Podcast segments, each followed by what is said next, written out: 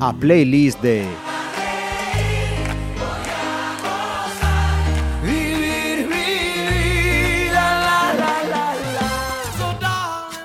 E eh, casi casi o derradeiro eh, programa da playlist eh, deste 2016 pois eh, leva o nome de muller.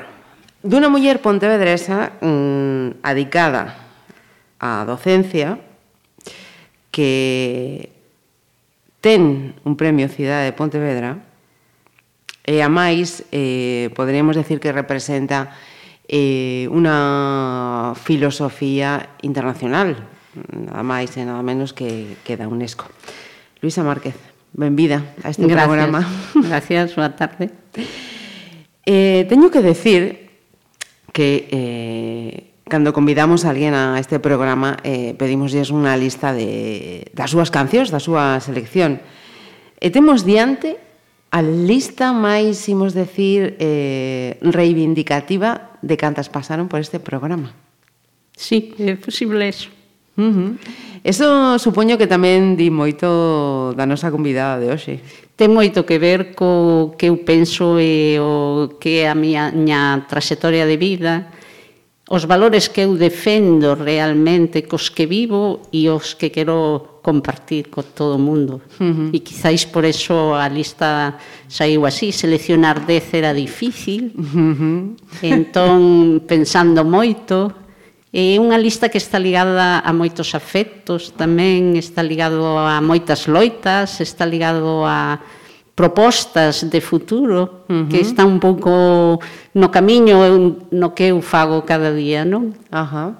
Eh, Luisa, eh, creo que eres a, a maior das irmás, non? Na túa familia ou non? Non, a segunda son. A segunda. Cantas? Somos catro mulleres. Catro mulleres. E un home. Uh -huh. Catro mulleres e un home. Eh, una familia, Antón, con dominio feminino totalmente, ¿no? As mulleres as que poñían o acento na, na casa dos Márquez. Nas nosas xeracións, sí. Había un número significativo de mulleres, e ademais todas mulleres con, con palabra. Pero tamén temos que decir que hubo moitos homes que acompañaban a esas mulleres, homes que decían que as mulleres tiñan que estudar, que tiñan que ir á universidade, que tiñan que sair da casa. Uh -huh.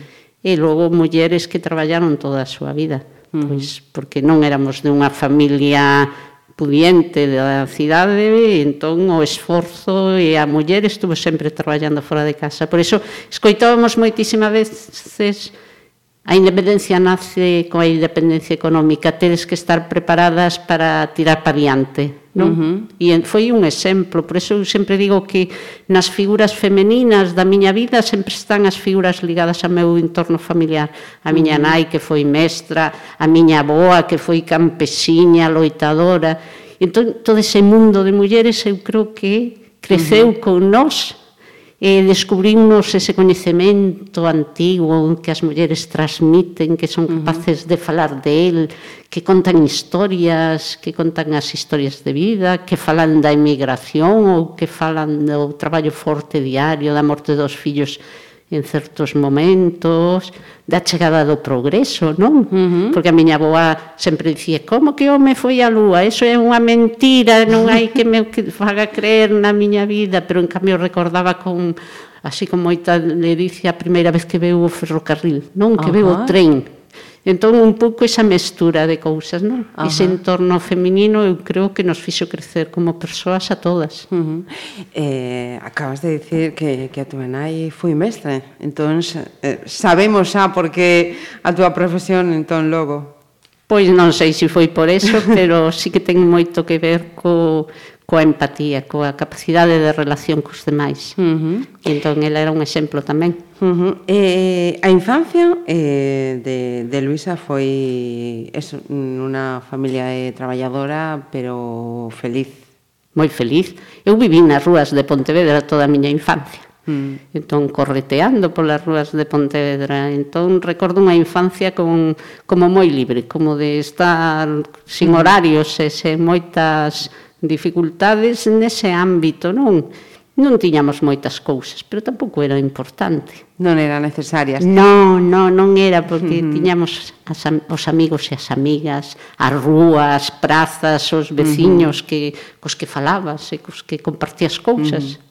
Cadera ese barrio, Luisa? Eu vivían entre Santa Clara Ajá. Uh -huh. e a Praza de Méndez Núñez, porque vivín en varios sitios, non? primeiro a primeira infancia en Santa Clara, que nese momento era as aforas da cidade, o -huh. cual era fantástico, porque saíamos estaba o río, -huh. estaba Xunqueira, uh -huh. estaba todo o paseo do río, os salóns do Lede onde nos bañábamos, éramos así uns espíritus un pouco libres, libres, sí, porque non uh -huh. había perigo, a xente tiña esa máxima, non, o de, do cuidado de, dos nenos e das nenas que estábamos na rúa, uh -huh. non, esa uh -huh. bella eh, tradición. Todos os nenos eran fillos de todos, non? Todos eh, Ay. cuidaban de, de todos. Sí, sí, eu sempre uh -huh. conto unha anécdota da miña infancia e que eu comía chocolate en casa dunha amiga. entón, cando sabíamos que había ali chocolate, subíamos uh -huh. todos a merendar a casa desta amiga, non? Eso, uh -huh. nai dábanos chocolate. Uh -huh. Quero claro. anécdotas así uh -huh. da infancia, e dunha infancia ligada á cidade. Uh -huh. eh, moi ben.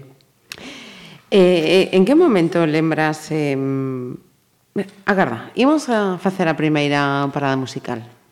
Sí? Ben, moi ben. Eh, contanos, eh, por que Janis eh, Joplin cando coñeces a, a esta muller tamén de carácter eh, forte e con unha impronta na historia musical. Pois na miña adolescencia, uh -huh. non? Era un pouco símbolo da libertade, o símbolo de, de un modo de vida alternativo. Logo morre, morre xoven, entón uh -huh. un pouco como eh, a ruptura, non? a desaparición así tan temprana. Por iso a canción Summertime é verdade que que non non é dela que non dela que, que a versiona, non? Sí, pero, pero está ligada súa... sí, uh -huh. sí. É por eso esa selección. Pois pues comezamos con, con Janis Joplin.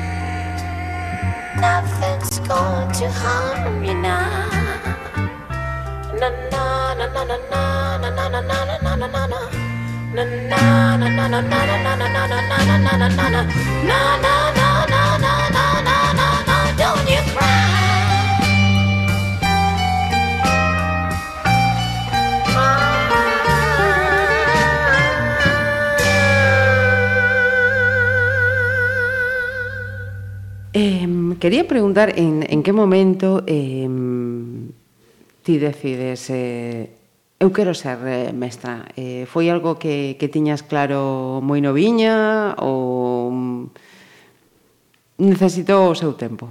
Que va, eu tiña un lío na cabeza fina. Porque eu dubidaba entre ser mestra Ajá. ou ser médica. Ah. Non sabía moi ben. Tiña así un unha combinación de cousas. Gustábame moitísimo o feito da relación coas persoas, non? E logo decanteime por ser mestra porque as persoas enfermas sobrecómsimen, entón hmm. como que te afectan máis así directamente.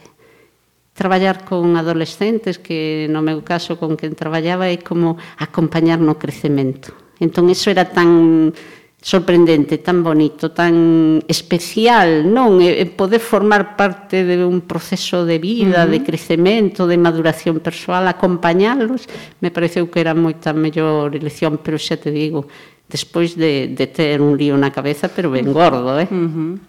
Eh, onde onde foi esa esa preparación de mestra aquí en Pontevedra? Foi fora de a, da cidade? Eu estudiei Historia na uh -huh. Universidade de Santiago de Compostela. Uh -huh. Pero desde sempre eu estudiaba Historia porque quería ensinar Historia. Pensaba que era a área que máis libertade de pensamento permitía. Xunto coa filosofía era como a clave non da formación dos nenos e das nenas, o feito de ser quen de analizar o mundo, de interpretarlo, de comprometerse con el. E por eso uh elexín historia. Uh -huh. Eu fixen historia e historia da arte, porque creo que ten que ver todo en relación coa vida das persoas. E logo quería dar clases nese tempo, cando eu rematei, na formación profesional. Ah. Non quería ir ao bachillerato. Quería ir cos nenos e as nenas que en ese momento marcaban eh, o fracaso escolar, entre comillas, era uh -huh. un momento na que a formación profesional considerábase un pouco como un ensino de, de segundo orde, uh -huh. no? Uh -huh. Entón, entrei ademais por aí, na formación profesional, como elección primeira para impartir clases. Uh -huh. eh, descubrín que non me equivocara nada Ajá. Nunca tan feliz foi como botando unhas risas con todos aqueles que estudiaban edificios e obras, mecánica e demais, uh -huh. e tratar de enseñarles historia a persoas que en principio non lle interesaban, non? e descubrir conjuntamente con eles o mundo. Para min foi fantástica a entrada uh -huh. na formación profesional na antigua, que había un ciclo, sí. un primeiro ciclo, ciclo. de dous anos, uh -huh. onde estaban todos estes nenos e nenas así un pouco eh, abandonados del sistema, e logo xa iba, había un segundo ciclo que, bueno, era distinto, non? Pois uh -huh. eu impartín clases moito tempo nese primeiro ciclo. Uh -huh. Gustábame dar clase aí, era como un reto, non? Eh, cal era ese centro? Ese primeiro o primeiro centro? que tuve foi o Diego Delicado Marañón da Coruña, un politécnico cheo de chicos. Solo ah. había dúas alumnas no medio por o tipo de especialidade que había. Era un centro moi grande, había 98 profesores e profesoras, pareceme máis ou menos, dos que creo que éramos 13 profesoras e todos os demais profesores. Uh -huh. sí, sí. Mira, e, e da túa etapa eh, universitaria eh, supoño que tamén eran eh, momentos importantes e convulsos, ¿no? sobre todo na, na na efervescencia que había entre, entre os universitarios de, daquela?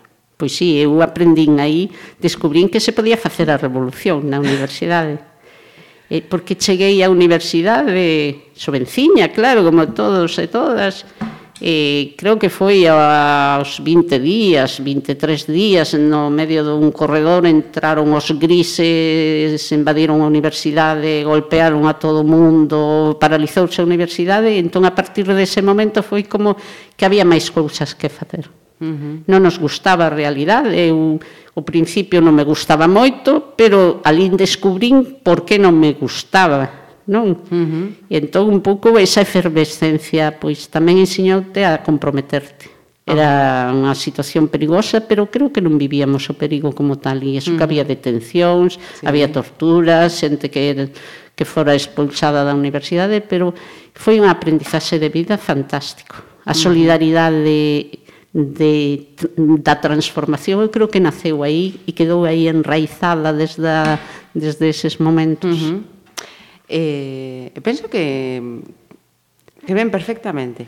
Por exemplo, a seguinte selección de Buena Vista Social Club. Claro, era o mito o Che Guevara. Uh -huh. Era o noso mito, non? Era o revolucionario que, que o fixo todo por, uh -huh. pola xente E fíjate que mm, polos recentes acontecementos eh, se ven tamén de, de falar estas eh, semanas. Sí, bueno, si queres te mm, conto mm, sí, por favor, unha pequena cousiña. Por favor. Que, que eh, o ano pasado eu teño moitas relacións de traballo e coordino proxectos con un IPBC de, en Santa Clara, en Cuba, uh -huh. desde o ano 2004, que empezamos a recuperar a memoria da emigración e E demais, eh, o ano pasado fun ali para coordinar un obradoiro sobre os objetivos de desenvolvemento sostible, me fixeron entrega da medalla Che Guevara. Ajá, casi nada. Un orgullo, claro. Pois... Eh, pois aí está. Hasta sempre, comandante Che Guevara. Hasta sempre, claro. Guajira para el recuerdo.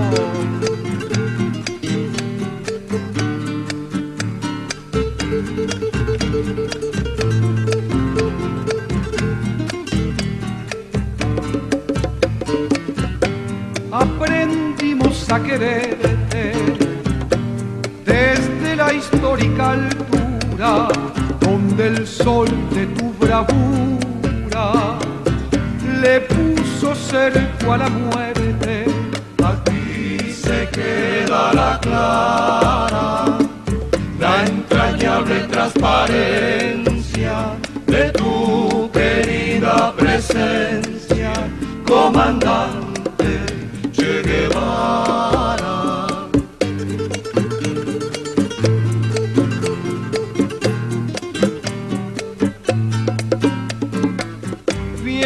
quemando la brisa con soles de primavera para plantar la bandera con la luz de tu sonrisa. Aquí se quedará clara la entrañable transparencia de tu querida presencia, comandante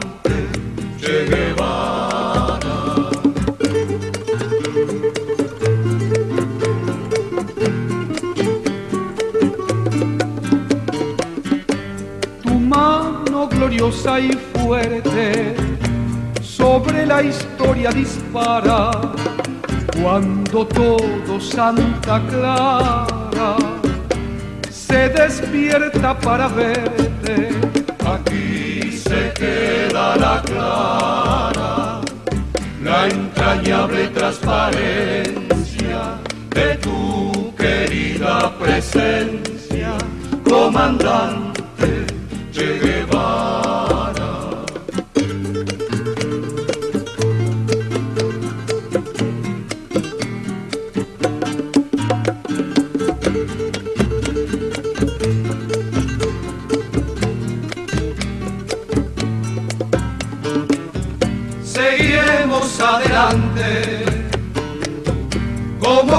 a ti seguimos, y con Cuba te decimos, hasta siempre comandante.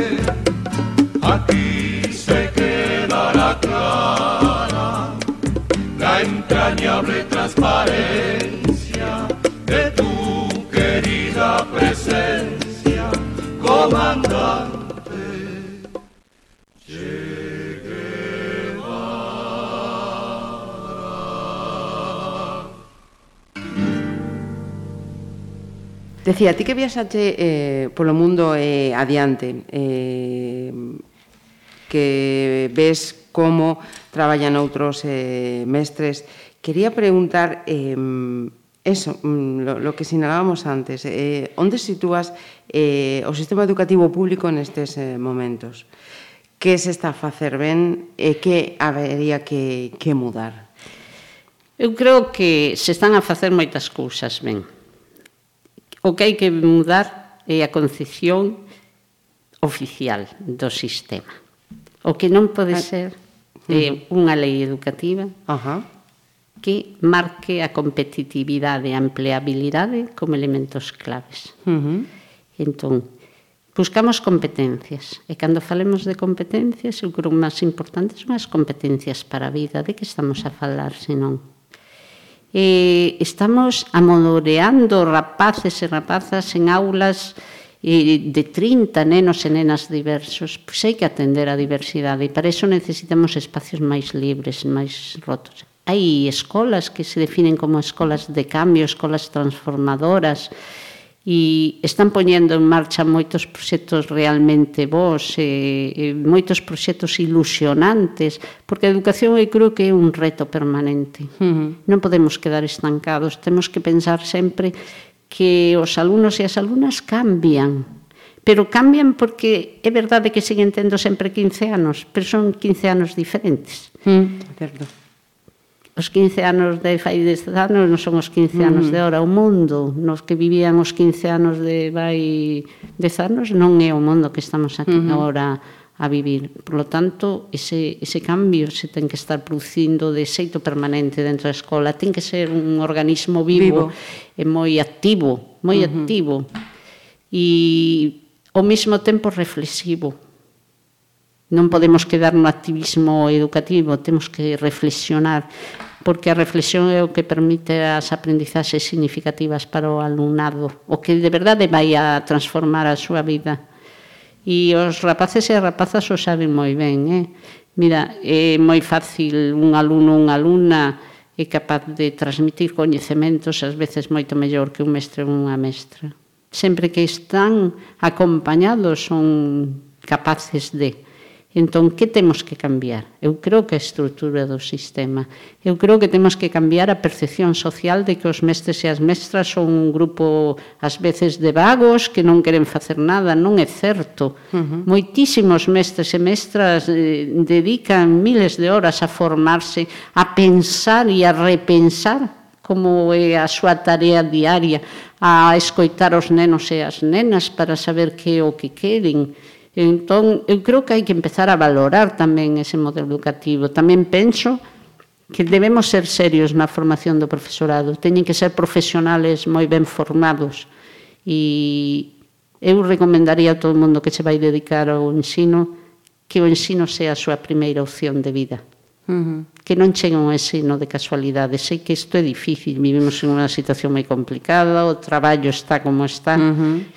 pero eu creo que non hai mai, persoa máis desgraciada que unha persona que teña que estar nun centro educativo e que non lle guste, porque debe chegar todos os días con unha amargura ese centro que transmite. Uh -huh. En calquera traballo, lóxicamente. Claro. O que fagas, faino claro. con ilusión e con, Yo, siempre, e con ganas. Siempre, E logo que piense que o que tenga enfrente son persoas sempre. Uh -huh. E creo que hai moitos profesores e profesoras que están facendo este traballo. Eh? Uh -huh.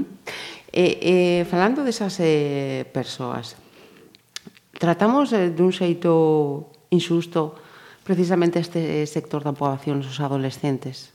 Os que somos maiores, es que xa pasamos por, por esa idade, logo eh, falamos dos que veñen eh, detrás. Somos insustos, porque mm, eh, falamos eh, dos ninis, dos que mm, eu creo que manexamos moitos estereotipos. Uh -huh. E entón eu sempre diría, entrade, falade con eles, escoitadeos. Hai moitos rapaces adolescentes que son moi comprometidos con co seu entorno, co planeta, co medio ambiente, coa igualdade, coas persoas, co cuidado.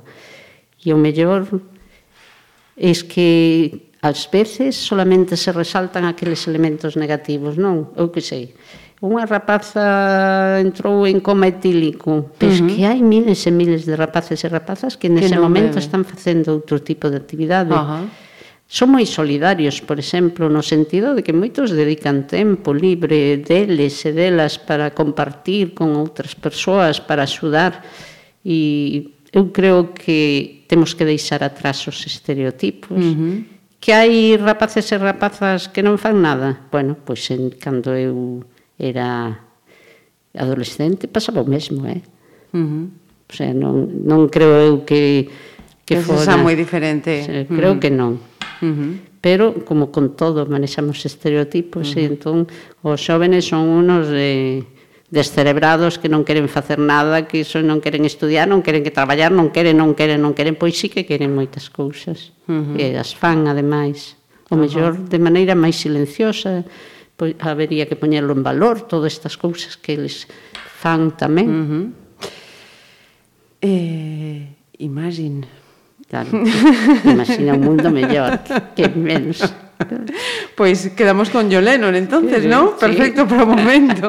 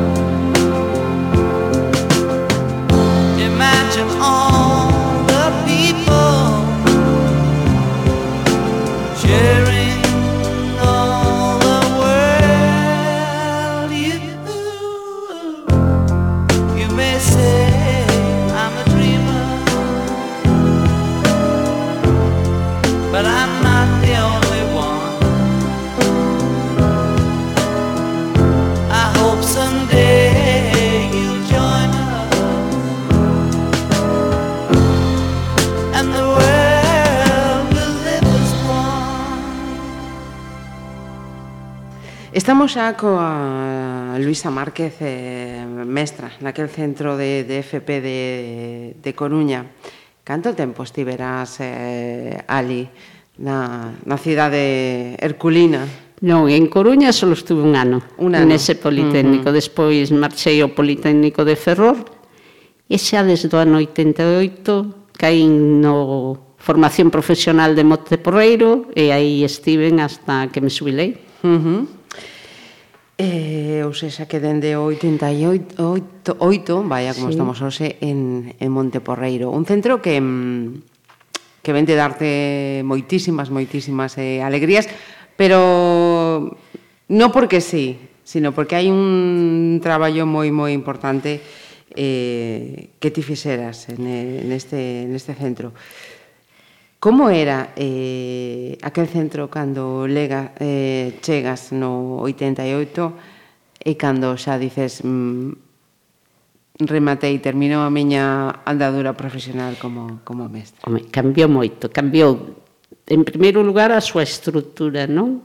Era un centro de formación profesional exclusivamente e dende o ano 91 que anticipou a, a reforma eh, xa é un centro de formación profesional de secundaria, de bacharelato. Era uh -huh. totalmente distinto, porque o barrio era moi diferente tamén. Era un barrio en ese momento con moitos problemas de cohesión social, de integración ademais, e unha característica que tiña o centro é que os nenos e as nenas que estudiaban no centro, que eran, bueno, os adolescentes, uh -huh. non eran do barrio, viñan ao Instituto de Monteporreiro porque era onde se impartían determinadas especialidades da formación profesional. Por lo tanto, estaba absolutamente desligado do barrio.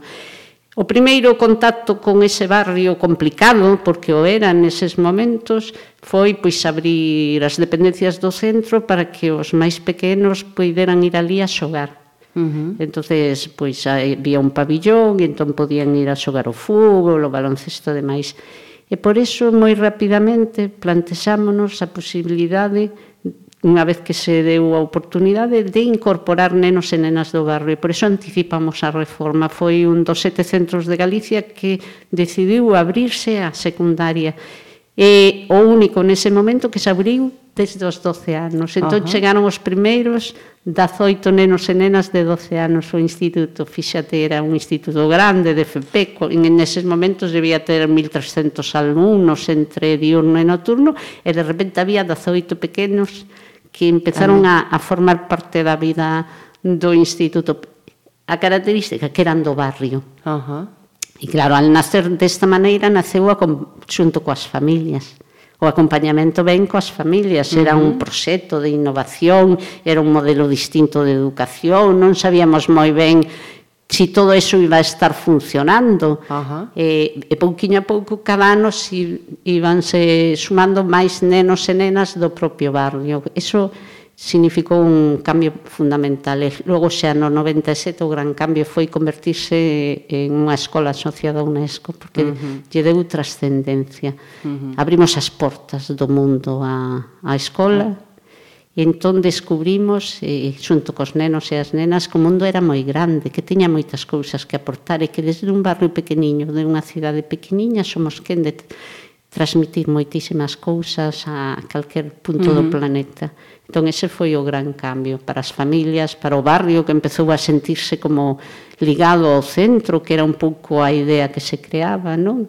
e ahora mismo pois somos como unha comunidade educativa. Eu digo somos porque Sigue é sendo. certo que me xubilei, pero para mí é o, o centro da miña vida, coa que manteño moitos lazos e cos que traballo agora de xeito voluntario uh -huh. tamén acompaña os nenos e as nenas do Comité UNESCO, axudo a poñer en marcha determinados proxectos, e demais tamén é a miña responsabilidade como coordinadora das escolas uh -huh. UNESCO, pero é de maneira distinta uh -huh. co, co instituto. Porque eh, Ti te, te aproximas, te achegas a, a rede de escolas de UNESCO ou é eh, a rede de escolas a que Xa chega a no. ti como é? E, Foi a inversa, xa... nós achegámonos. Uh -huh. Unha profesora que estaba nese momento no instituto, Uxía, máis eu, pensamos que tiñamos que buscar unha alternativa para uh -huh xerar un modelo de innovación educativa que fora distinto. Estivemos investigando e descubrimos que existía a rede Esta de escolas rede. Uh -huh. asociada. Tamén teño que dicir que no momento que novo plantexamos no claustro aprobouse o ingreso por unanimidade. O sea, ni, non hubo ni un profesor, non unha profesora que dixera non. Pois sí, é unha oportunidade e vamos a tirar para diante. E, bueno, empezou sendo un xérmolo chiquitín dentro do centro, algún proxecto e demais, e pouco a pouco iso foi crecendo. Eu sempre digo que se convertise nunha escola UNESCO un, como unha carreira de longo recorrido, mm. non? Va sumando vontades, pouquinho a pouco e o máis fantástico é que sumou as vontades do profesorado, do alumnado, do personal docente, pero das familias que para nosotros son un pilar fundamental e de moitas institucións do barrio tamén. Fíjate, Luisa, que mm, estamos a, a falar de, de educación, de ensinanza. Eh, salvo a mención que, que facías a historia, historia de arte cando ti estudiabas, dende o momento que comezas a falar da túa profesión, da túa actividade, estás a falar de integración, eh, de convivencia, de valores.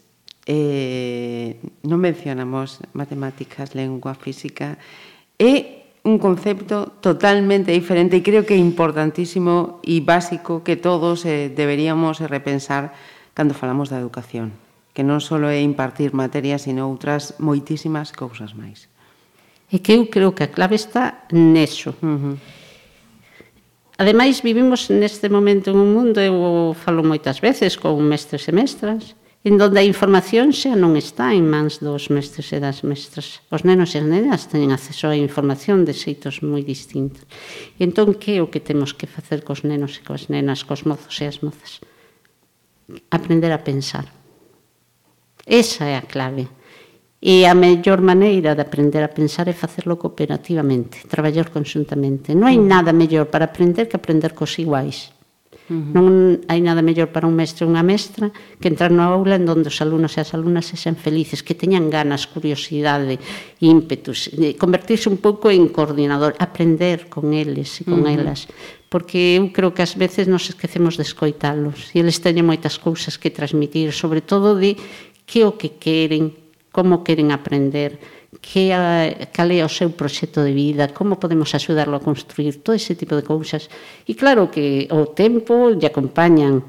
Eu enseño historia, non é que non enseñara uh -huh. historia, pero eu tamén digo unha cousa. Se eu chego, ensino historia de, da maneira tradicional, dime unha cousa de verdade. Ti crees que é un rapaz do século XXI lle interesa algo que pasou na Revolución Francesa se lle contas a xeito tradicional claro. non lle interesa nada. Hoxe entra e mañá sai. Claro.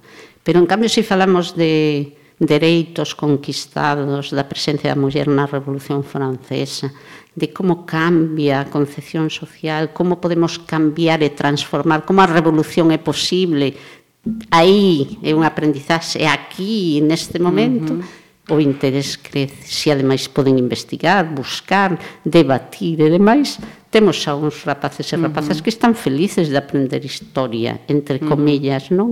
Estás a xerar eh, ilusión expectativas. Claro. Que é o que faltan moitos centros educativos, o sea, claro. penso, eh, dende fora. Sí, eu, tamén eu penso que hai moitas cousas que se fan ben uh -huh. nos centros educativos eh, no sistema, logo, porque logo, hai moita crítica, de, pero eh... eu creo que hai moitas cousas ben feitas. Ajá. Imos falar tamén desas cousas eh, ben feitas, pero imos eh, facer outra parada. E teño que dicir que a seguinte, a seguinte selección eh, compartimos, porque é preciosa que ven nada máis e nada menos que mmm, digo Cigala e Bebo Valdés, ¿no? con un tema precioso, delicioso, que se llama Lágrimas Negras. Sí. É, é un estilo xa eh, moi diferente dos anteriores, non? Sí. Ese, eh, esas eh, sons e eh, músicas do, do sur tan, tan fondas, non? Con tanto sentimento porque teño moitas relacións co sur e porque o sur tamén existe, porque temos mm. que mirar para o sur Uh -huh. e porque compartir certos eh, ámbitos é eh, fundamental. Eu creo que Diego Cigala transmite emocións e emocións uh -huh. que podemos ver desde o norte, desde o sur, desde, desde o leste calquera... a oeste. Uh -huh. E entón por eso pues, esa selección. Disfrutamos deste Lágrimas Negras.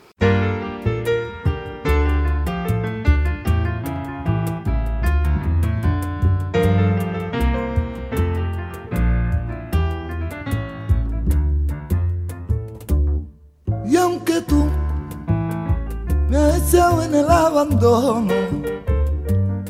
Y aunque tú has muerto mis ilusiones, en vez de maldecirte con justo encono, y en mis sueños te colmo, y en mis sueños te colmo de bendiciones. Sufro la inmensa pena de tu extravío profunda, lo de tu partida. Y lloro sin que tú sepas que el llanto mío tiene lágrimas negras, tiene lágrimas negras como mi vida.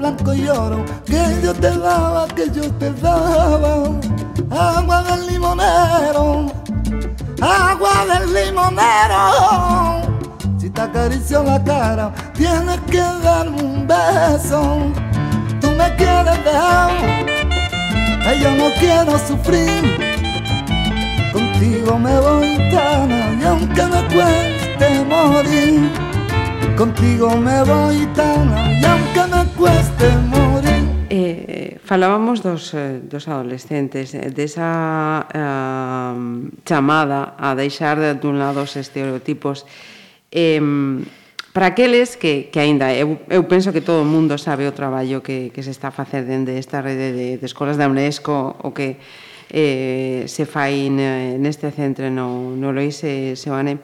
Pero eh, estamos a falar de cosas eh, fundamentais eh, non só para os adolescentes senón para para toda a sociedade na que estamos inmersos. Dereitos humanos, eh, educación e cultura accesible para todos, igualdade, mm, respeto polo medio ambiente, eh, ansias de, de, de, de paz que de, de acabar con tanto conflicto. Estamos a hablar de, dos, dos, dos piares da sociedade ideal, Luisa, casi nada. Eu máis que ideal diría a sociedade soñada é posible. Sí. Creemos, sí. Dende uh -huh. as escolas UNESCO pensamos que a educación é transformadora. Uh -huh. E non é que directamente transformemos o mundo, é que transformamos as persoas que van a transformar o mundo. Sí, o mundo, ao final, son as persoas. Claro. Mm. Entón, Eu é que concordo totalmente con Eduardo Galeano cando di que mm. xente pequena facendo cousas pequenas son quen de transformar o mundo. Mm -hmm. Pois eso é o que se fai desde as escolas. Claro que falamos, temos que falar de cultura de paz. Como non vamos falar de cultura de paz? Se estamos rodeados de, de conflitos bélicos, de armamento, de destrucción, de violación de dereitos humanos e demás, claro que temos que que falar de eso e ademais ten que ser un compromiso real. Uh -huh. Temos que abrir o corazón á paz e para iso temos que abrir espacios de paz. Nas nosas escolas teñen que ser espazos de paz, lugares de convivencia, de respeto aos diferentes, de mezcla de, de culturas, de falar de todo, de ser capaz de debatir uh -huh. e de disentir. Eu sempre digo, que temos que aprender a ser capaces de revelar entre as leis injustas ante os comportamentos injustos. E defendo que desde a educación e desde a educación dun escolonesco temos que ser rebeldes.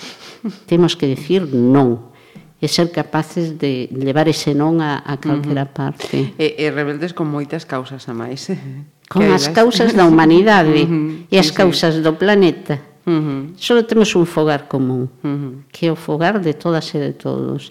Por lo tanto, hai dúas cousas claves. Hai que cuidar as persoas e cuidar o planeta. Non hai máis uh -huh. para lá. O cuidado no sentido amplio é o que nos converte en seres uh -huh. humanos realmente. Eh, Luisa, outra das túas eh, seleccións, Mercedes eh, Sosa. Claro, pero eso ten que ver con que eu adoro Latinoamérica e porque adoro Latinoamérica. Ajá, uh -huh. Latinoamérica para min é o espacio soñado, é esa mestura de culturas, é esa aprendizaxe de relación ca natureza. Eu vivín un ano en Perú, uh -huh. hai tempo, pois porque quería vivir de outra maneira distinta, eh, despois fixe unha viaxe de, oito, eh, de seis meses por Latinoamérica, Eu sempre digo que cando vou a Latinoamérica non viaxo, me quedo a vivir por ali, porque sempre atopo relaciones de, de afecto e de amor con, con Latinoamérica. Eh, imos a facer unha pausa con Mercedes Sosa porque eh, antes citabas a Eduardo Galeano. Eh, estamos a falar de Latinoamérica e quería face, eh, facer unha pregunta, pero será despois de Mercedes. Vale.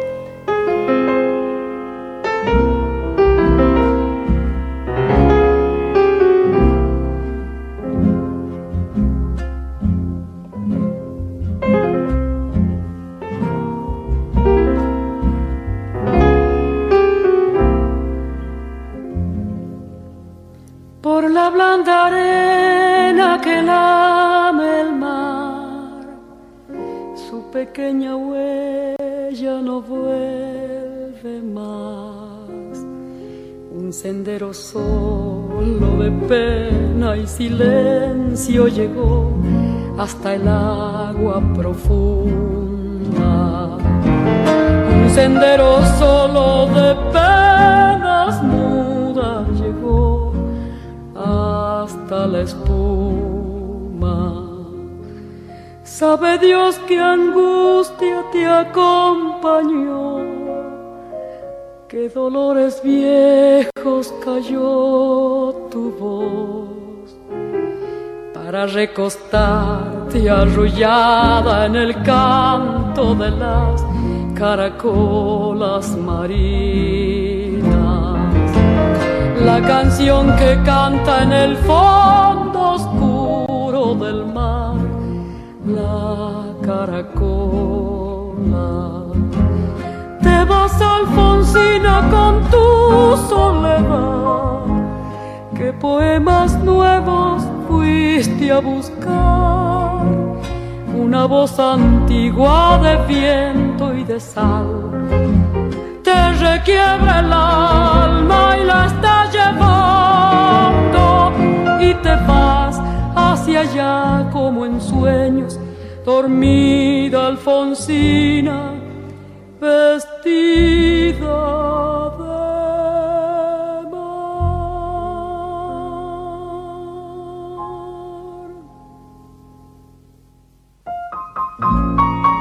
Música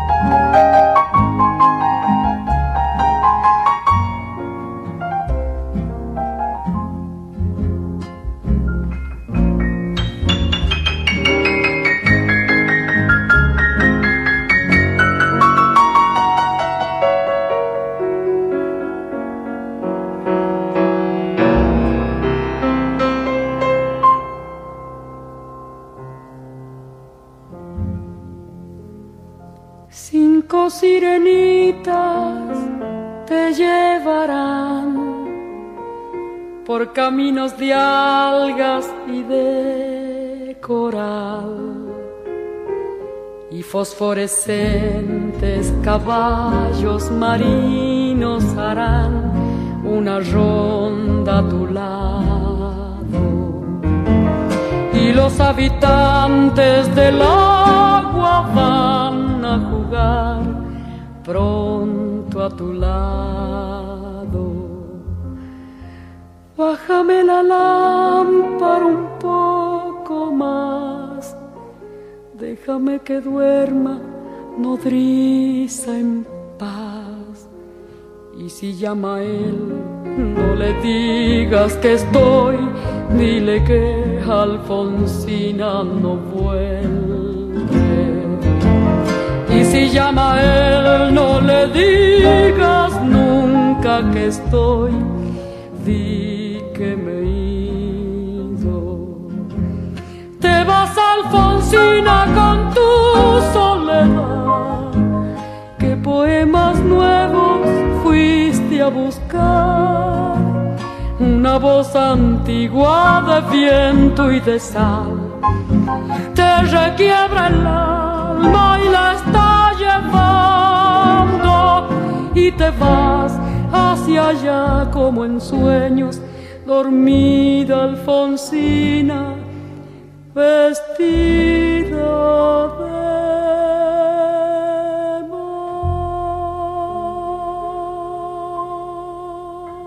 Decía antes, eh, falabas de, de Eduardo Galeano, que xa non está con, con nos lamentablemente para seguir disfrutando da, da súa lectura e de, da súa aprendizaxe e ti falabas tamén de, de Latinoamérica. Mirando ese, a ese libro, as venas a, abertas de, de América eh, Latina, Latina eh, te mostra una, un, un continente eh, completamente diferente o que, o que nos llega aquí a, a Europa. Non sei se da túa experiencia compartes todo, todas as cosas que, que sinala Eduardo Galeno nese, nese libro? Todas, non porque tampouco profundicei tanto en Latinoamérica, pero moitas delas sí. Uh -huh. Eu creo que Latinoamérica é a gran descoñecida. Porque Latinoamérica son os mapuches, é moi os castellanos, sí. son o, os inmigrantes, son, é unha mezcla fermosa de, de, de xente pero tamén é verdade que moitos dos seus povos orixinarios están como esquecidos e colocados nun segundo orde cando temos moitas cousas que aprender deles. Por sorte, en algún deses países teñen ahora mesmo un presidente dun povo originario, non? Uh -huh.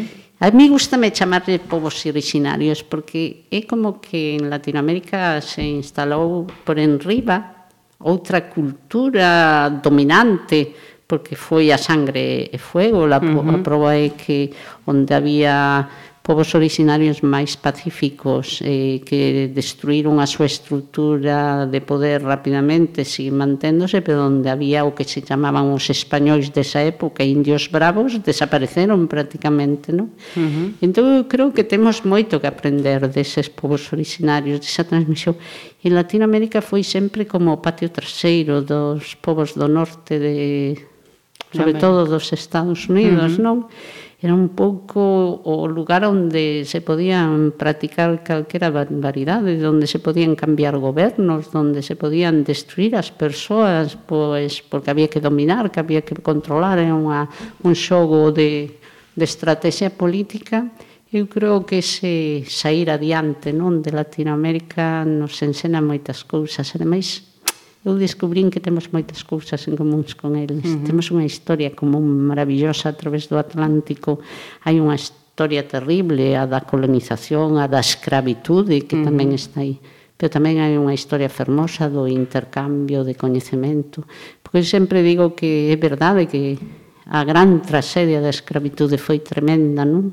Pero as cabezas que transportaron violentamente levaron consigo tamén o coñecemento da naturaleza, a interpretación, a música, as crenzas e demais. Eso non o puideron roubar nos barcos negreiros uh -huh. e eso foron asentándose, non? Forman parte do sustrato cultural de moitos povos de Latinoamérica. Entón, esa historia tamén é unha historia rica. Uh -huh.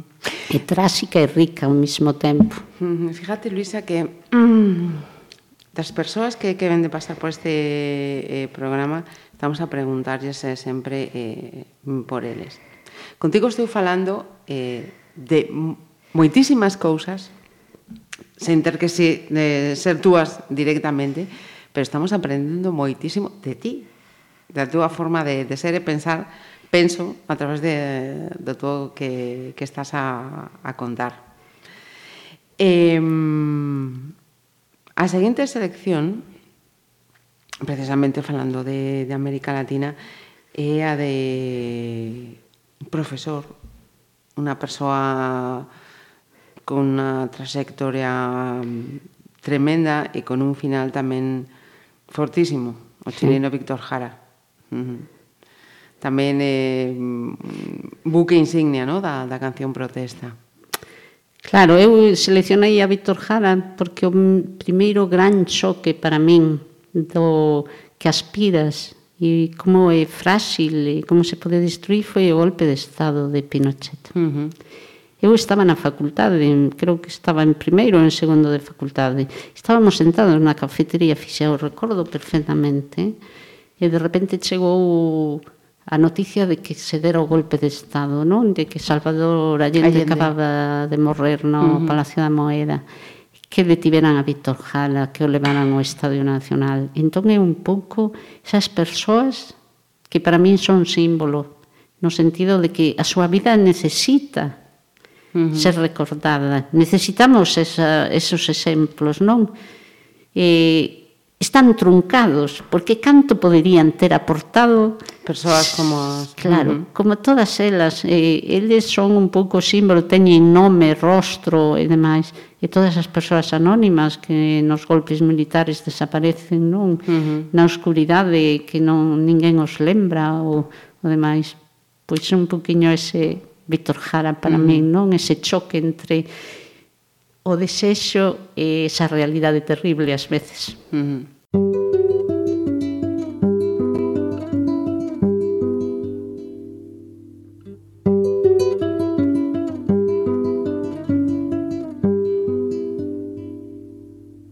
Te recuerdo, Amanda, la calle mojada, corriendo a la fábrica donde trabajaba Manuel la sonrisa ancha, la lluvia en el pelo, no importaba nada ibas a encontrarte con él, con él, con él, con él, con él. Son cinco minutos, la vida es eterna en cinco minutos.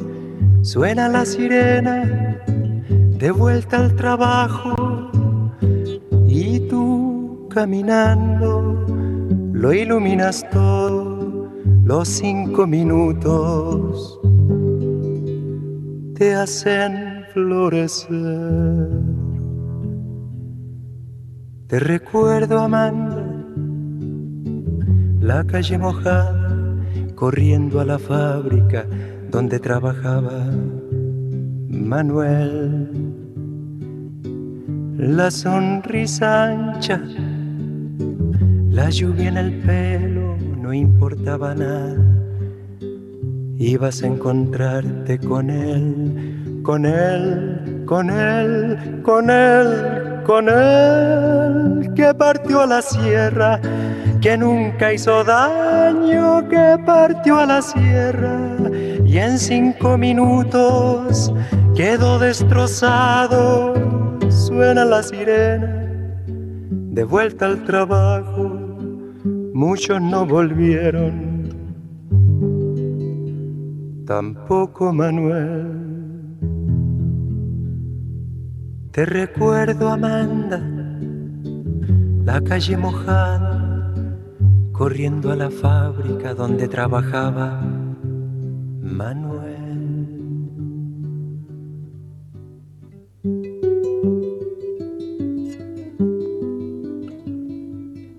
Seguimos eh, falando con, con Luisa e agora quería facer unha parada no, no teatro, Luisa. Que fiuncho, contanos. fiuncho é un proxecto maravilloso. Foi cando chegaron esos pequenos por primeira vez ao instituto, e sempre fun así un pouco de teatreira, vamos a engañarse, titiriteira, teatreira, no titiriteira, para que vamos a engañarnos. Entón era crear unha actividade que poidera englobalos a todos e a todas. En Fiucho nunca hubo unha selección, ni un casting, ni nada. Chegaba todo o mundo ali, non? E Fiucho naceu, pois eso, no ano 91 e nunca parou. Ajá. Nunca. E aí acolleronse nenos e nenas con todas as características posibles, porque todo o mundo ten espacio no teatro, todo o mundo pode decir, pode aportar, E eu aprendi moitas cousas cos nenos e as nenas diversas, claro, porque uh -huh. aprendín a tratarlos tamén, porque non sabía. E o teatro rompe moitas barreiras, pois a persoa máis tímida é quen de, de ser capaz de salir ao escenario, plantarse diante da xente. Nenos e nenas que pois, polas súas características non socializan, pero en cambio son quen de transformarse en outra persona a través do teatro. E agora, ademais, a miña alegría é que cando eu me marchei, eu pensei que vai pasar con Fiuncho, non? E un pouco, uh -huh. que dices, pois, un proxecto de tantos anos. É unha das nenas de Fiuncho que estivo todo o tempo en Fiuncho, desde primeiro de ESO a segunda de bacharelato, Judith, que ademais está estudiando arte dramático oh. en Vigo, e coincidimos na mesma idea Pola mañá eu fun a buscar e digo, Judí, teño que falar contigo. Dixome, sí, eu tamén contigo. E as dos pensáramos o mesmo, que ela podía quedarse a cargo de, de Fiunche, agora uh -huh. directora de Fiuncho. Judí. Ah, E entón sigue, Ten Fiuncho futuro. sigue existindo, sigue existindo, claro, uh -huh. porque é unha das as actividades que rope, despois saíamos de Sira Mundial, aí a Meis, a Salcedo, Eh, moitos bolos. Moito, moito, pero tamén fomos a un uh -huh. a un encontro de teatro en Polonia. Uh -huh. E entón eso foi moi divertido porque primeiro había que presentar un espectáculo de rúa, todo era de rúa. Uh -huh. Eh, nos éramos o grupo máis grande porque fomos 27 nenos e nenas, titiriteiros, porque levábamos tamén animación de rúa, e fixemos uh -huh. eso, era moi divertido porque teñamos que contar a historia das rúas onde estaban os coles, porque había nenos de Hungría, de Polonia, de Dinamarca, de, bueno, múltiples, foi así. E bueno, marchamos ali, avisamos que nos levábamos a rúa, a Polonia, uh que entón que tiveron cuidado os veciños, non vai ser que caeran, porque xa non estaba a rúa Luxemburgo, porque estaba en Polonia de, Ajá. de viaxe teatral e esas cousas. Entón, sí que hai todo o mundo, e ali poideron pois, traballar con nenos de diversos países de Europa e montar un espectáculo único, uh -huh. Para todos é moi ben, é de animación de rúa permanente. Por iso te digo que o teatro uh -huh. é algo especial, porque Ajá. nós pintábamos os escenarios, cosíamos o vestuario, o maquiaxe, todo. Ajá. Está feito por os nenos e as nenas, non? Uh -huh. Entón, pois, moi divertido, a verdade. Uh -huh. É o teu ollo dereito. Notase cando, cando falas de Lucho, o Comité UNESCO, quero dicir moitas cousas. Uh -huh. É que eu pasei, digo, ese o centro da miña vida porque eu pasei toda a miña vida laboral sendo feliz. Mm. Eso sinto moito, pero é, é grandísimo. É eh. grandísimo. Eu chegaba todos os días ao cole encantada da vida. Eu non chegaba, oh, oh, incluso os días que chegaba así que estás peor porque te levantas, uh -huh. dormiste peor, non sei que, chegar ali e atoparme en ese espacio e para mí era un relaxo, sí. Uh -huh. E entón gustame moito, quero dicir que creo que iso é como temos que acceder ao mundo uh -huh. do, do traballo, mas cando traballamos uh -huh. coas persoas, non? Efectivamente, e efectivamente. Así, pois, Outra paradiña musical, eh, en este caso eh, con Bebe, tamén outro xeito de, de alzar a voz, ¿no? Claro. Contra, contra a violencia neste, neste caso, a violencia machista. Sí, uh -huh. porque creo que é un, unha das grandes tragedias que está vivindo a nosa sociedade e a nivel mundial. Somos o 50% da poboación do mundo e cada día nos mutilan, nos asasinan, eh, casan as nenas, eh, sufrimos a violencia, non nos deixan ir á escola. Uh -huh non podemos eh, beber agua, somos as últimas en comer, e aínda por enriba tes que escoitar que temos que cuidarnos, que temos que non sei que que temos que salir á rúa eh, estupendas, con e non sei que. Pois eu quero salir á rúa libre, uh -huh. de verdade. Eu é que non soporto que se banalice dese xeito. E outro día cabreime non con un titular dúas mulleres perden a vida e digo, como que perden a vida? Que van despistadas por aí, perderon a vida, marcharon, non, foron asasinadas. Es que non perderon a vida. E cando banalizamos desta maneira, non? Sí. Eu sempre, ás veces, lle pregunto aos nenos e nenas, pero vos pensades que pasaría uh -huh. se si nunha fin de semana matan a catro futbolistas de primeira división deste país? Bueno. Entonces, é tal o, a falta de valor que se lle das mulleres e as nenas en calquera parte do mundo. Porque a mí me dá igual, sempre que unha nena, ou unha muller, sufra violencia, e que me dá igual que sea de Pakistán que de Madrid, de uh -huh. Galicia que de Cataluña. Uh -huh. Penso que a sororidade ten que ser universal e que nós temos que estar aí enfrente. E necesitamos, ademais, que se sumen os homes. Os homes vós, uh -huh. os homes que creen na igualdade de verdade, que rexeiten as homes que, por encima, xa están estas feminazis, que xa están as feministas sempre, son as radicales, claro que somos radicales, eu polo uh -huh. menos o son, eh? Uh -huh. e que reivindico a miña radicalidade, porque senón non somos quen de parar con isto. Uh -huh. E a prova é en que quedan os asesinatos de mulleres. En o un minuto de silencio uh -huh. institucional, catro persoas reuníndonos en un sitio uh -huh. e que non hai un choque forte. radical e forte que, que remate con, claro. con isto. Ella se ha cansado de tirar la toalla, se va quitando poco a poco de la araña. No ha dormido esta noche, pero no está cansada. No miró ningún espejo, pero se siente todo guapa hoy. Ella se ha puesto color en las pestañas, hoy le gusta su sonrisa. No se siente una extraña, hoy sueña lo que quiere, sin preocuparse por nada. Hoy es una mujer que se da cuenta de su alma. Hoy vas a descubrir que el mundo es solo para ti, que nadie puede hacerte daño, nadie puede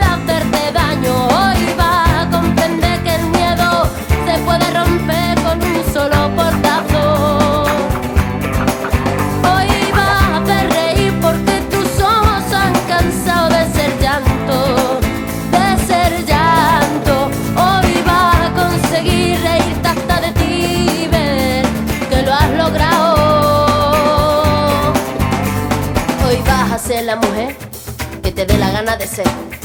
Hoy te vas a querer como nadie te ha sabido querer. Hoy vas a mirar para adelante, que para atrás ya te dolió bastante. Una mujer valiente, una mujer sonriente, mira cómo pasa.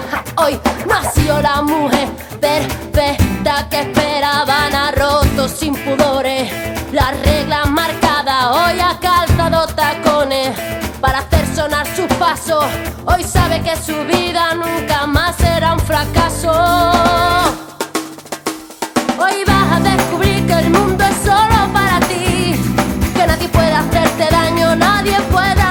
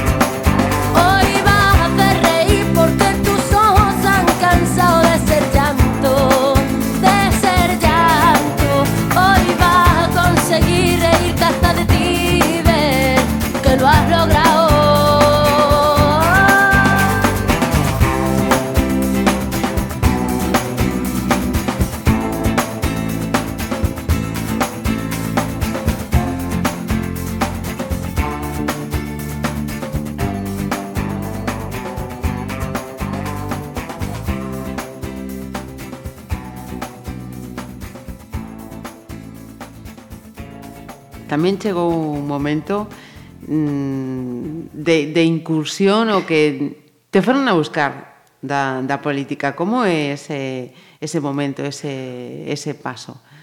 Que me buscaron... Voluntario, involuntario... No, me pediron se apoyaba un, un proxecto, non? Uh -huh eh, simplemente como apoio a unha candidatura eh, eh eu reflexionei no uh -huh. entón dicen que sí porque eu creo que se está camiñando neso no que eu creo uh -huh. que é o Estamos cuidado das do, persoas. Do, do Bénega, no? Era, claro, claro, foron Bénega. os que me chamaron, uh -huh. non?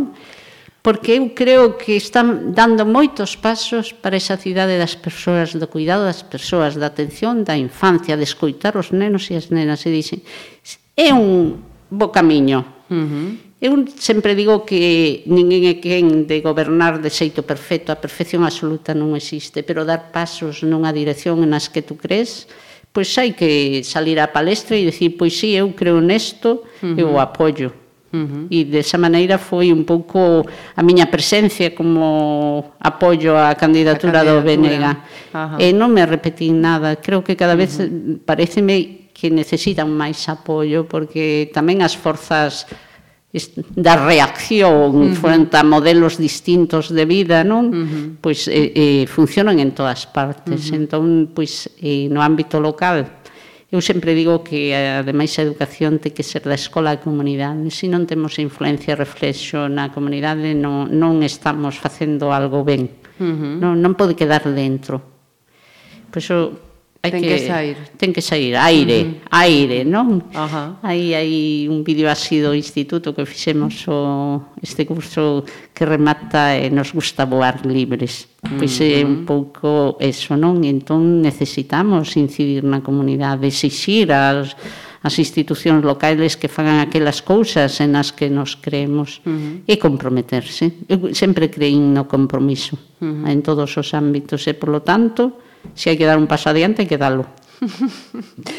eh, Luisa, e mm, rompen en, en esta lista, nesta lista reivindicativa con forza de protesta, eh, ou non, por eso quero preguntar, eh, a presenza de, de Queen porque me encanta, es uh -huh. que porque él tamén rompe moitas eh, cousas. Mm, Freddie Mercury foi claro, rompedor tamén, claro, certamente. Claro, e porque As veces tamén hai que, eh, que defender non eh, e decir non a, a violencia LGTBI. Uh -huh. Creo que xa temos que estar claro, non? Uh -huh.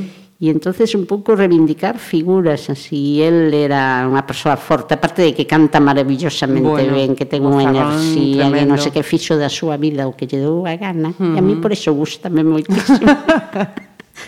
Con certa envexa tamén, eh? Quen poidera tamén decir... Sí, sí, mm, sí. Uh -huh, sempre aquí estou... Aquí estou eu. Pero por eso en... Eh, creo que os artistas, uh -huh. no, eh, no amplio sentido da palabra, sea da pintura, da uh -huh. música, de, da escultura, da arquitectura, teñen que ser persoas comprometidas. Uh -huh. Que abandeiren, porque... den exemplo, non? Sí, que sean un pouco modelos, non uh -huh. sociais. Ajá. Uh -huh Por iso non se lle pode perdoar que ás veces fagan determinado tipo de declaracións ou que den a, soporte a determinados tipos de actitudes, uh -huh. non sabes? Por iso sí. creo que... Uh -huh. Porque o mundo da arte é o mundo da creación, Uh eh. -huh. E no que miran a, a máis eh, unha poboación moi importante da que estamos a falar. Claro. Uh -huh. Eu igual que os medios de comunicación. Eu tamén. creo que tamén teñen que ser así reivindicativos, non? Uh -huh. Entón, porque teñen moita influencia. Uh -huh. Tremenda. E entón, pois, un pouco temos que exixirles que sexan tamén, que den un paso mm. adiante tamén todo o mundo e os artistas, os medios, as persoas, todo o mundo ten que dar ese paso adiante se si queremos cambiar a sociedade na que vivimos, que eu estou convencida que somos que de, de cambiar. Que somos capaces. eu sempre digo unha frase, eu non penso morrer mentras isto non cambie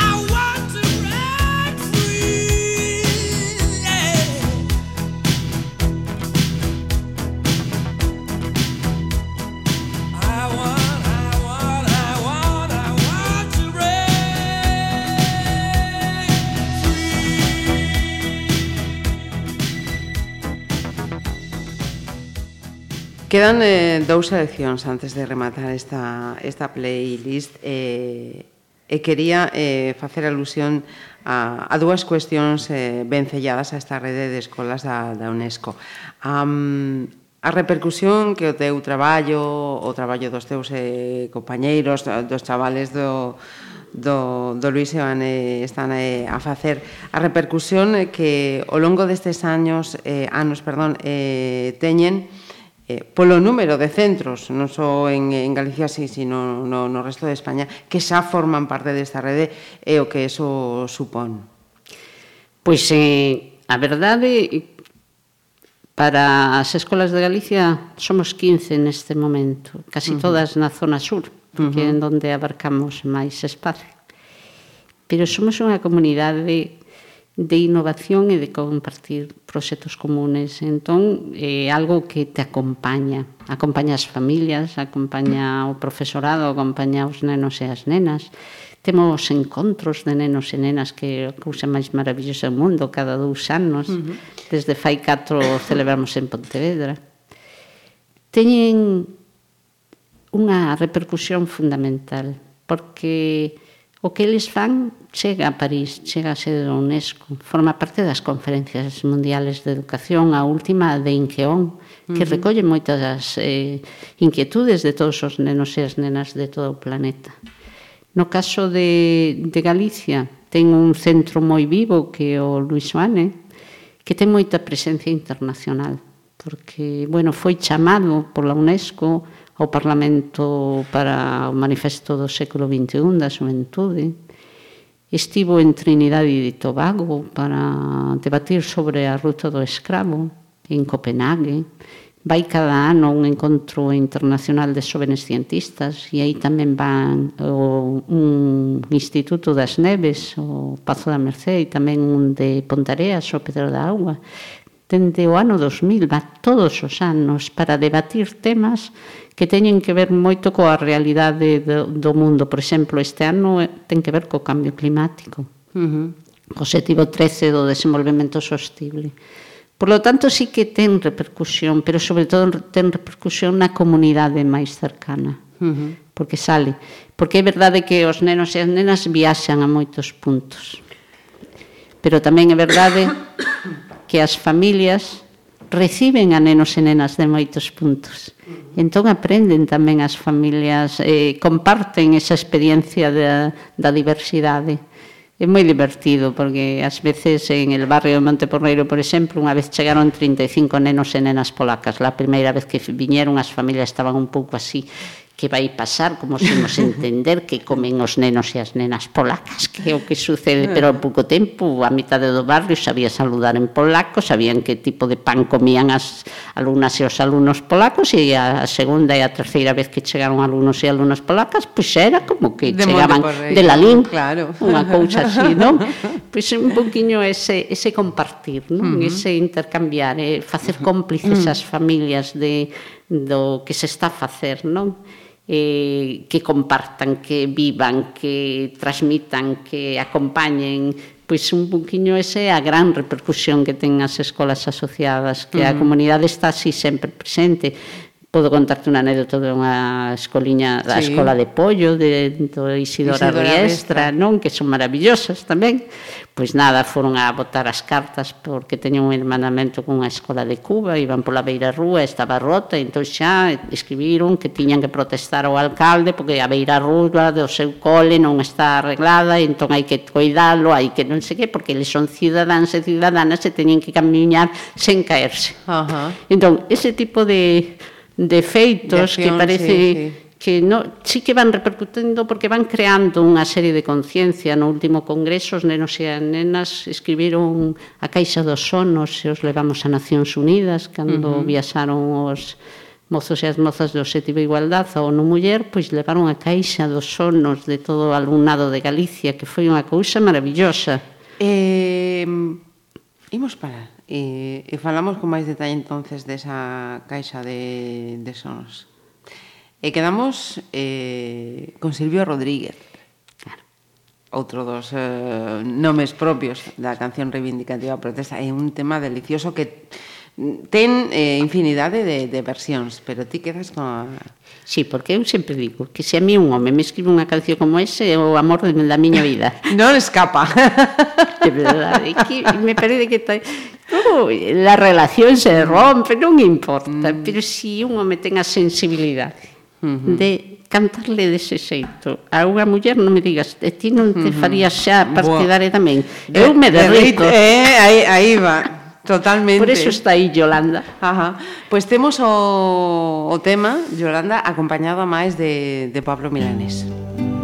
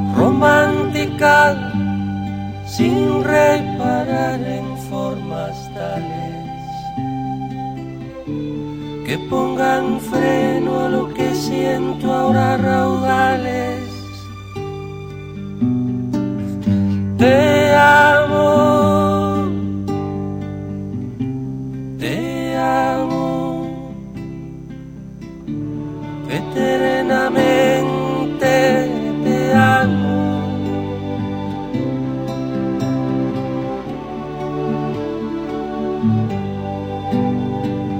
Si me faltaras, no voy a morirme. Si de morir quiero que sea contigo. Soledad se siente acompañada. Por eso a veces sé que necesito tu mano,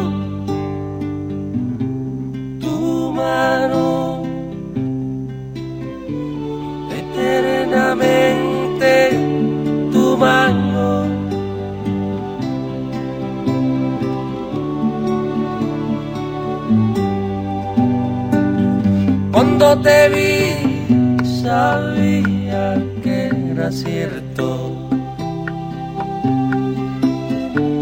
Este temor de hallarme descubierto. Tú me desnudas con siete razones.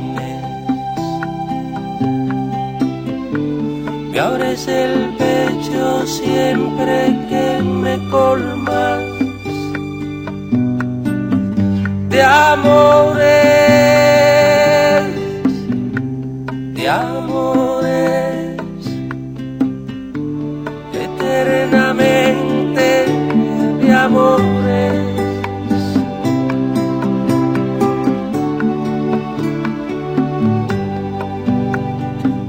Si alguna vez me siento derrotado, renuncio a ver el sol cada mañana, rezando el credo que me has enseñado.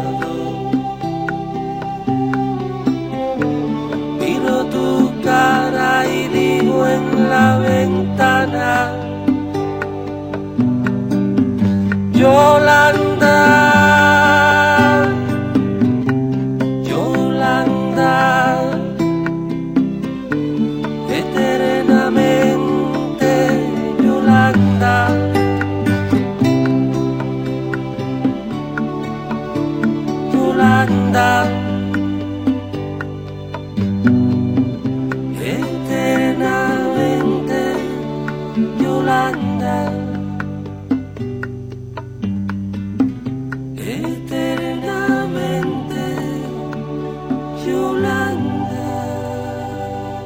Mm, quedábamos na, na caixa dos, eh, dos soños. Eh, contanos con máis eh, detalle, por favor. Pois eh, eso foi porque eh, no último congreso, que foi o curso pasado, o congreso chamábase Identidade e Cultura, e os nenos e as nenas de todas as edades, porque estaban presentes todas as escolas asociadas, reflexionaron sobre o mundo que querían. Uh -huh entón, porque surdiron os objetivos de desenvolvemento sostible, como podemos camiñar cara a un mundo distinto. E entón, na sesión de clausura, se me pediu a cada neno e a cada nena que escribira o seu soño do mundo que querían. Uh -huh. E entón escribiron un pequeniño papel, o puxemos nunha caixa do sono, unha caixa bonita, claro, uh -huh. forrada perfectamente, e esa caixa foi transportada a Nacións Unidas porque ele reivindica un mundo distinto Ajá. para, para vivir, un mundo distinto para aprender, un mundo distinto para relacionarse. Pois aí estaba.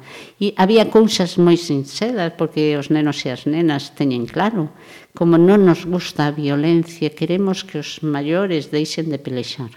Uh -huh. Ese é un sono precioso para un neno e unha nena, pero tamén poñían cousas como que hai que cuidar a árbore que está no seu patio, hai que escoitar aos nenos, hai que transformar o mundo, hai que recibir os refugiados. Uh -huh. Porque eles non entendían uh -huh. si están dicindo do tempo esa súa argumentación que non hai nenos, que aquí somos poucos, que non sei que, porque non os traen, para eles é moi fácil. Uh -huh. É moi fácil si se necesitan nenos e nenas para que non se pechen as escolas que os traian. Que os traian. Non hai problema maior. Uh -huh. non? Entón ese mundo distinto é o que uh -huh. reivindicaban os nenos e as nenas. Non? E o bonito é eh? que sueñan un mundo mellor e que queren transmitirlo e leválos a, as institucións que os poden escoitar. E que o pensan de forma máis sinxela que, que os maiores, non? Fíjate con ese exemplo que acabas de, sí. de poñer. É moi fácil, uh -huh. é moi fácil. Uh -huh. eh, Bob Dylan, Premio Nobel. Eu quería, xa que xa que estamos falando de, de, deste de tema este eh, imos a escoitar el Blowing in the Wind, pero eh, eu eh, veño a escoitar eh, voces eh, críticas eh, a favor da actitude e de, eh, da resposta que tivo Bob Dylan con, con este premio Nobel. Mm, merecía, non merecía, porque non foi, porque si foi eh, ese escrito mm, quedas a marxe, no? no, é que eu quedei moi desconcertada, penso uh que todo o mundo, cando, uh -huh. entón, por un lado decía, pero eh, non é posible, porque, bueno, eu son moi reivindicativa, entón mm. parecíame que un premio Nobel la botilan cando hai tantas escritoras maravillosísimas que nunca reciben un premio Nobel entón me saiu a vena feminista entón xa se acabou a historia xa non quero valorar nada. E ademais gustame Bob Dylan o sea, non ten nada que ver. E creo que algunhas das súas letras son poesía pura, o sea, non estou cuestionando eso, Ajá. pero es que me parece ás no veces, non sabes, afectada cando mm. había candidatas, é eh? como cando acaban de nombrar a Antónis Guterres eh, secretario xeral de Nacións Unidas. Eu eh? Había tres mulleres candidatas, uh -huh. cada cual con moitísimas cualidades. Irina Bukova, que é a actual secretaria xeral de, da UNESCO, estaba aí de candidata, unha muller combativa que sale adiante, que lle dá igual as cousas, e en cambio non é. Non, claro, eh, Irina Bukova foi a que ondeou a bandera de Palestina na UNESCO e dixo que uh -huh. como Estado mm. de pleno derecho tiña que estar na UNESCO, que non podía ser, mm. non? Pero entón ás veces esa gran contradición. E logo a actitude del, a mí dame igual, porque creo que ás veces os nobeles eh teñen Perden moito, os papéis. Teñen moito que dicir. Eh? E as decisións tamén do Comité do Nobel tamén teñen moito que, que pensarse. Oh. Eh? Pois pues, quedamos simplemente co Blowing in the Wind e disfrutamos sí, da Maravilloso canción. porque está en contra da guerra e eso... How many roads must a man walk down Before you call him a man? How many seas must the white dove sail Before she sleeps in the sand And how many times must the cannonballs fly before they're forever banned? The answer, my friend, is blowing in the wind. The answer is blowing in the wind.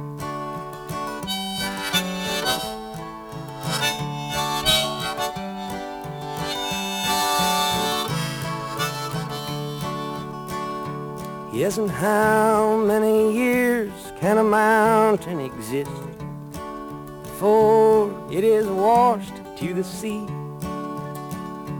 Yes, and how many years can some people exist before they're allowed to be free? Yes, and how many times can a man turn his head and pretend that he just doesn't see the answer, my friend, is blowing in the wind. The answer is blowing in the wind.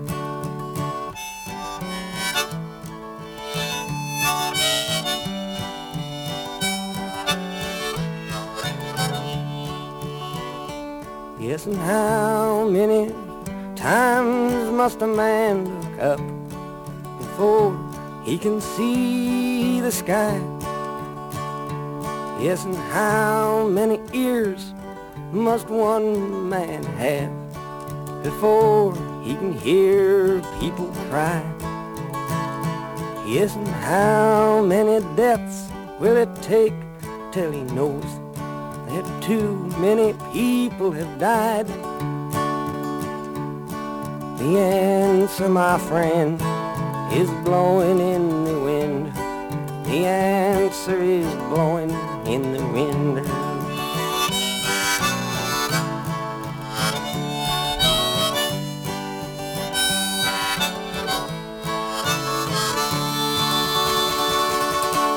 E xa antes de, de rematar, eh, eu quería eh, preguntarlle a, a Luisa si, te digo, faime un, un balance da, da túa vida eh, con unha nota. Eu, eh, vendo unha mestra como a ti, se, se que os, os seis, os sete, os oitos non significan moito, por non decir moi poca eh, cousiña ou nada, no? que hai outras cosas que hai que valorar. Mm, pero mm, en que en, nos, nos colocaríamos? Nun notable? Eu un creo... sobresaliente? Eu creo que a miña vida en xeral é sobresaínte en, no sentido de, do satisfeita que me sinto co que fago, non? Que me quedan cousas pendentes que conquistar. Uh -huh. Entón, eh, por eso, ao mellor, non me poño a matrícula de honor na miña vida. porque creo que hai que ter retos, uh -huh. sabes? E eu creo que todavía teño cousas que aportar para a transformación social na que estamos. Uh -huh. Polo tanto, como non está rematado, resultame moi complicado. Uh -huh. Xa me resultaba moi complicado cando era mestra poñer notas, sabes? Porque, non sei, como, como valoras ti a felicidade, por exemplo? Uh -huh. Claro, entón... Complexísimo. Como valoras a, a, a relación, os afectos que desenvolves, a, uh -huh. os encontros cos amigos e coas amigas, a capacidade de mm. pasear por, por la mm. orilla do, do de Pero hai, hai algo aquí dentro mm, que o di. E, e, e a ti, mm, a túa cara o reflicte, Luisa. Es que eu creo que soy unha mm. privilexiada. Uh -huh. Pasei toda a miña vida facendo as cousas que me gusta facer Uh -huh. Nunca me sentí nin despreciada, nin demais. Cuestionada, sí, pero bueno, tamén a argumentación está uh -huh. aí, non? Uh -huh. Que te cuestionen tamén te dá forza para, uh -huh. para tirar para adelante. E sempre me sentí ben. Entón, pois... Pues, Sobresaínte. Claro. É unha das cousas que, que quedaban pendentes, eh, que decías o, antes de comezar a gravar esta entrevista, un proxecto que anda por aí e que está aí para sair adiante é vencellado a Madia Leva. Sí. Porque imos a pechar este, este programa. Podemos adiantar algo, Luisa? Es que as Madia Leva eh, prestáronnos unha canción, Ajá. Augas, uh -huh. cando fixemos un intercambio con Buenos Aires, uh -huh. entón. É, é un proxecto que leva tempo en marcha, pero que sigue crecendo, non? Uh -huh. Que é recuperar a historia familiar da migración. Mm. E entón eso permitiu recoller moitas historias de vida, moitos sentimentos, Hai unha nena cubana que di que a añoranza é algo que crece porque se planta e entón se se rega ben. Entón esa agua se está ligado a todo este crecemento do proxecto. Ajá. E un, o grupo de nenas e nenos que viaxou a Buenos Aires ofreciou esta canción aos nenos e nenas do Colegio José Hernández de, de Villa Ballester. Non? Entón as María Leva foron generosísimas porque ainda non a tiñan gravada pero nos prestaron a canción, ah. entón, pois, son un grupo de mulleres, entre elas está unha das profes do Luis Oane, María Xosé, que tamén uh -huh. forma parte do proxecto, uh -huh. e entón, pois, por eso esa selección, por eso quería que estiveran uh -huh. aquí elas presentes, porque sempre nos apoian uh -huh. e no Congreso de Estatal das Escolas Unexas cantaron para todo o profesorado de... Uh -huh. e entonces sempre contamos con elas, uh -huh. entón esa augas es Pois a, a guinda desta playlist con Luisa Márquez e con María Leva. Foi un placer, de verdad. igualmente.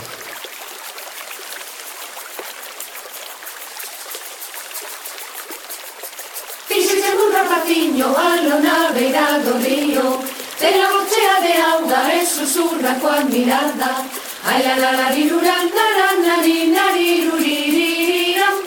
pam pam tiri ti tin tin tin tin.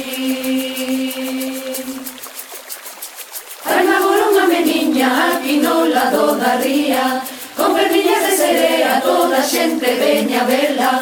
Ai ai la una na na na ni na param pam pam tiri ti tin tin tin tin. Ella cariñando son las aspas salares, ay, la, la, la,